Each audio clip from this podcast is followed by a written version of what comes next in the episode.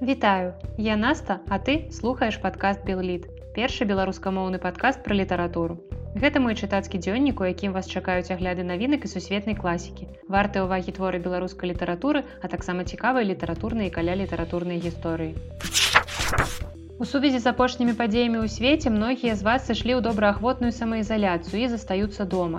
Некаторыя працуюць дыстанцыйна, некаторыя проста адпачываюць. І чым яшчэ заняцца, калі серыялы вам ужо не лезуць, калі вы ўсю стужку нстаграма ці фейсбука прагарталі, а ката абмацалі з усіх бакоў. Вядома ж, гэта самы час, каб взяцца за кнігу. І ў сённяшнім выпуску я падрыхтавала для вас 10 аб'ёмных кніг, якія зацягнуць галавой. Кнігі ў падборцы ёсць як мастацкія, так і нон-фікшн, як беларускіх, так і замежных аўтараў. І да таго ж тут знойдуцца жанры на любы густ, як дэтэктывы, так і фантастыка і нават твор для дзяцей, які таксама спадабаецца і дарослым. Першая кніга, якая выйшла 9 гадоў таму, стала сапраўдным сусветным бестселлерам. Яе ўжо пераклалі больш чым на 30 моў.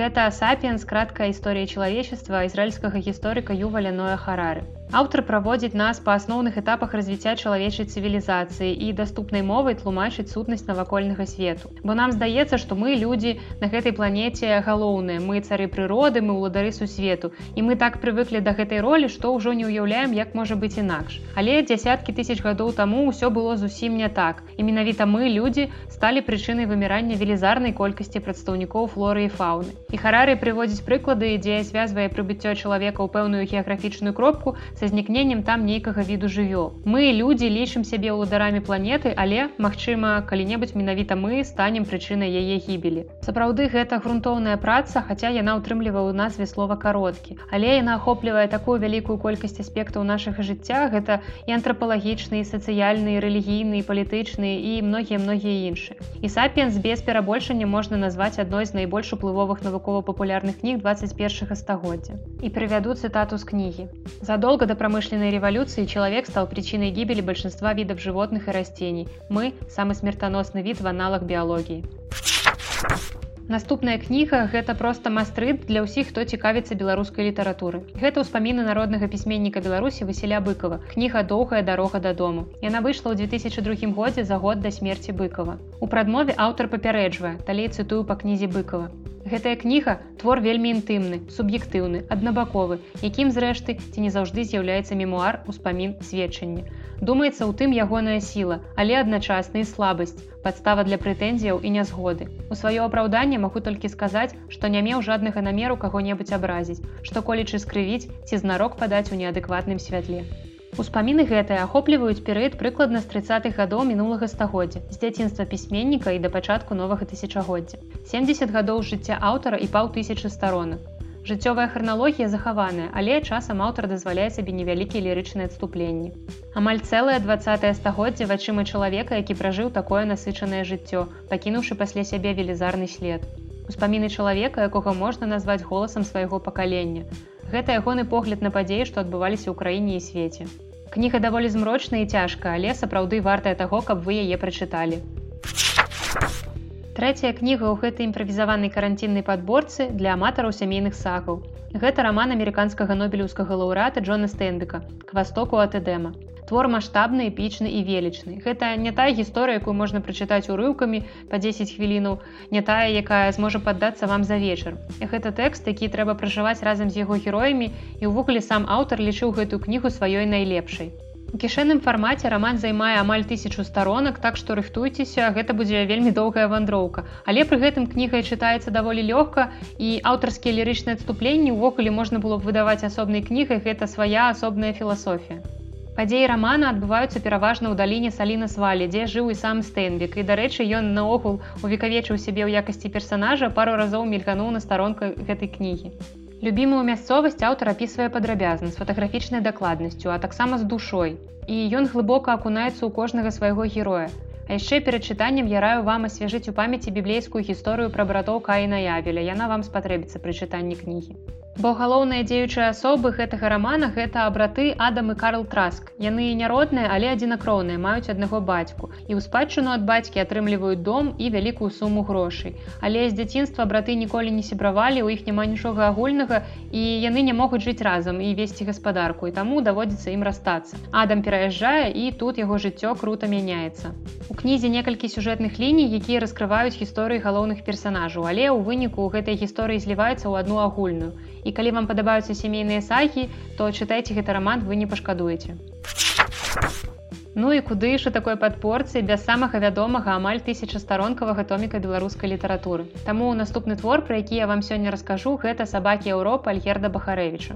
Альгерд падарыў сучаснаму чытачу сапраўдны выклік. У час, калі многія не чытаюць нічога больш доўгага залон крыды ў інтэрнэціку, Бахарэвіч самаўпэўнена сцвердзіў сваю важнасць для білліта гэтым важкім томікам.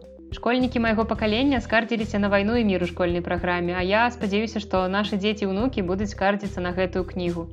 Складаецца кніга з шасці частак і няма сэнсу расказваць пра кожны сюжэт, бо Бахарэвіч ужо зрабіў гэта за мяне на першай старонцы кнігі.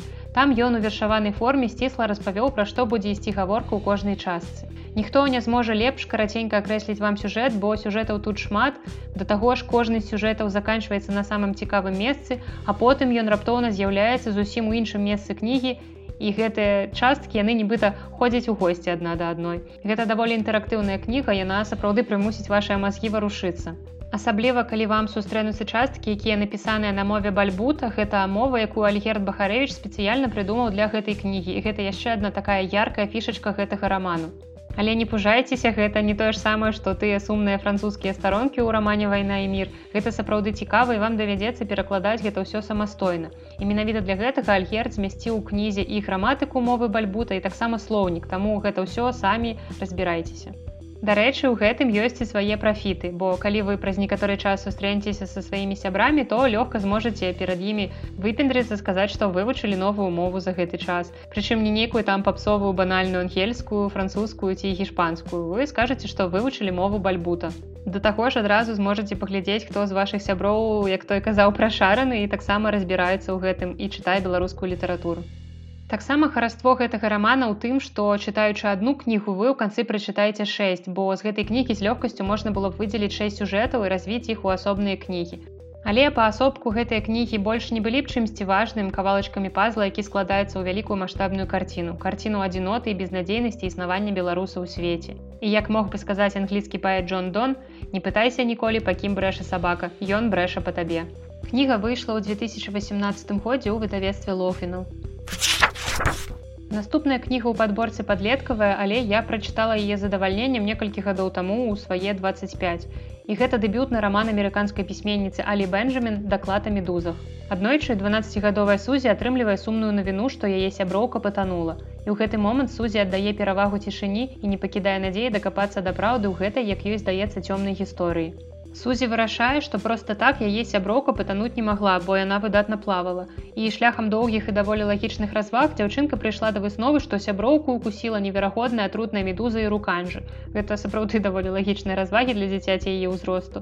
І цяпер сузі шукае вучонага медузолага, каб ва ўсім разабрацца. Але важна ў гэтай справе не адцягваць увагу ад галоўнага і таму сузі заціхае. Яна не хоча марнаваць час на пустыя размовы ні з бацькамі, ні з настаўнікамі, ні з аднакласнікамі. Кніга мае цікавую кампазіцыю, бо напісаная з выкарыстаннем структуры дакладу, бо там ёсць і мэта даследавання, гіпотэзы і методыка даследавання і высновы. А сюжэт трымае ў напружанні да апошніх старонак і нават дарослых. І аўтару ўдалося стварыць цікавы вобраз галоўнай гераіні, бо сузі яна вельмі кемлівая, вельмі цікавая дзяўчынка і чытача падкупляе яе шчыры клопат пра сяброўку. Кніга выдатна паказвае, як па-рознаму мы можам спраўляцца са смерцю блізкага чалавека, бо хтосьці знаходзіць у сабе сілы, ён рухаецца далей, але ж вось сузі, на жаль, не можа і яна неяк сублімуе боль, спрабуе замясціць яе актыўнымі дзеяннямі па пошуку міфічнай праўды. У той жа час гэта кніга пра сяброўства і пра тое, якія змены яно перажывае з узростам, асабліва калі табе ўсяго 12 і ты проста на вачах змяняешся. Кніга для смелых, для дапытлівых і для тых, хто любіць пазнаваць свет і у тым ліку для дарослых. І прывяду тут вельмі важную цытату з кнігі. Если бы люди чаще молчали, они бы расслышали звуки своей жизни. Если бы люди молчали, любые их слова, редкие слова, звучали бы более весомо. Если бы люди молчали, они ловили бы сигналы, которые все мы посылаем друг другу. Совсем как глубоководные существа, которые то подмигивают, то меняют цвет кожи. Аўтарка наступнай кнігі неаднаразова падкрэслівала, што мае беларускае паходжанне. Польская пісьменніца Катажына Бонда нарадзілася ў Беластоку, але дзяцінства правяла ў гайнаўцы на падляшы, там і скончыла беларускі ліцэй.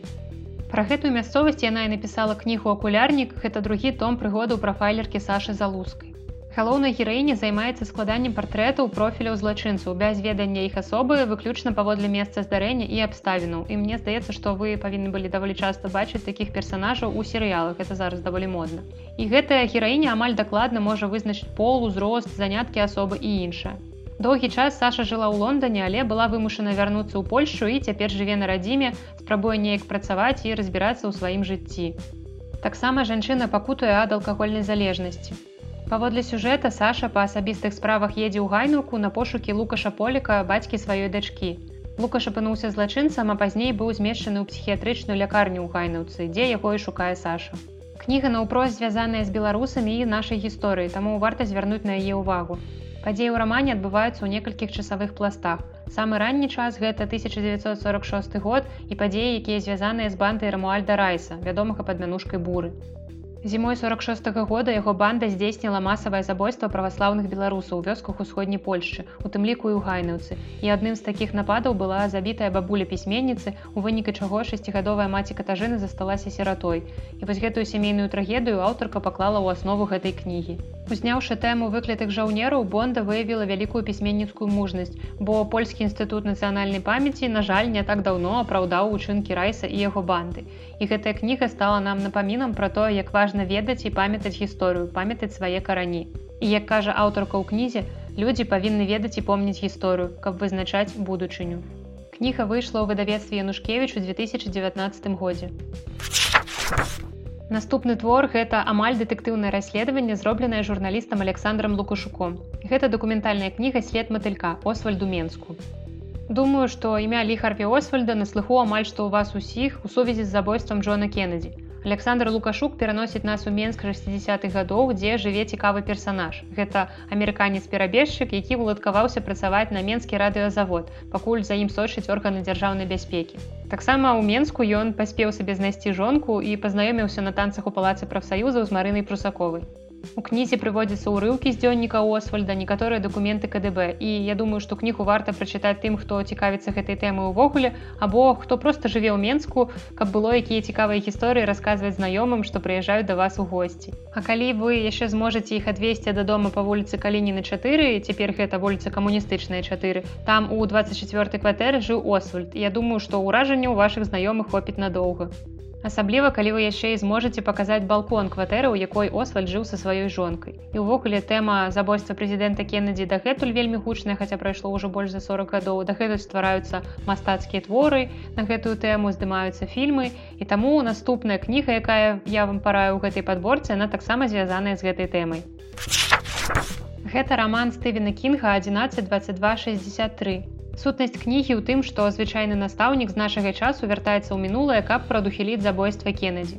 Кінг вельмі добра папрацаваў з архіўнымі дакументамі па гэтай тэме, каб не схіляцца ў творы да нейкай канкрэтнай тэорыі адносна таго, хто ўсё ж такі забіў прэзідэнта Кеннеді, гэта быў Освальці нехта іншы. Але твор фантастычны і таму аўтар можа сабе дазволіць рабіць гістарычныя адхіленні. Аднак багатая дакументальная база ўсё ж робіць яго вельмі насычаным фактамі і даволі праўдападобным. Таму вельмі вам раю гэтую кнігу, якую я сама ўласна лічу найлепшай кнігай кінка, а таксама потым вы можете паглядзець аднайменны серыял з Джеймсом Франка ў галоўнай ролі. Перадапошні герой сённяшняй падборкі гэта перадапошні раман Валерыя Гапеева пазл. Колькі ўвагі ўвогуле ў жыцці мы звычайна надаём дэталям, вельмі нязначным, як нам здаецца дробязем але менавіта з іх часта складаецца тое, што паўплывае на наше жыццё. Пра гэтыя дэталі і дробязі раман пазл прызыў войска гэта стрэс не толькі для самога прызыўніка але і для яго родных і блізкіх бо беларускае войска хаця як мне здаецца любое войска гэта не тая рэч на якую варта траціць год свайго жыцця. Але на жаль мы знаходзімся ў краіне якая столькі гадоў усё яшчэ жыве з гэтым культам вайны і у нас існуе непарушная аксіёма што не служыў не мужик і вельмі страшна думаць пра тое што ў наш мірны час прынамсі ў межах нашай краіны з войска можна не вярнуцца жывым. Бо перыядычна ў беларускіх навінах усплываюць апавядаюць гісторыі пра смерць у войску ці пра суіцыд ці пра нейкі недагляд кіраўніцтва І вось у рамане сын Віктора Нішчука, галоўнага героя гэтай кнігі, трапляе ў войска, хаця ўся сям'я была ўпэўненая, што ў яго ёсць тэрміноўка да восені. Аднак вайсковая сістэма яна вельмі недасканалая і да ваенкама прыйшлі патрэбныя людзі, папрасілі не браць у гэтым годзе ў прызыве пэўных рабятаў і ён цараваў дзіркі кім мог. І таму Масіма Нішчук праз чатыры дні мусіць з'явіцца ў ваенкамаце для адпраўкі ў войска.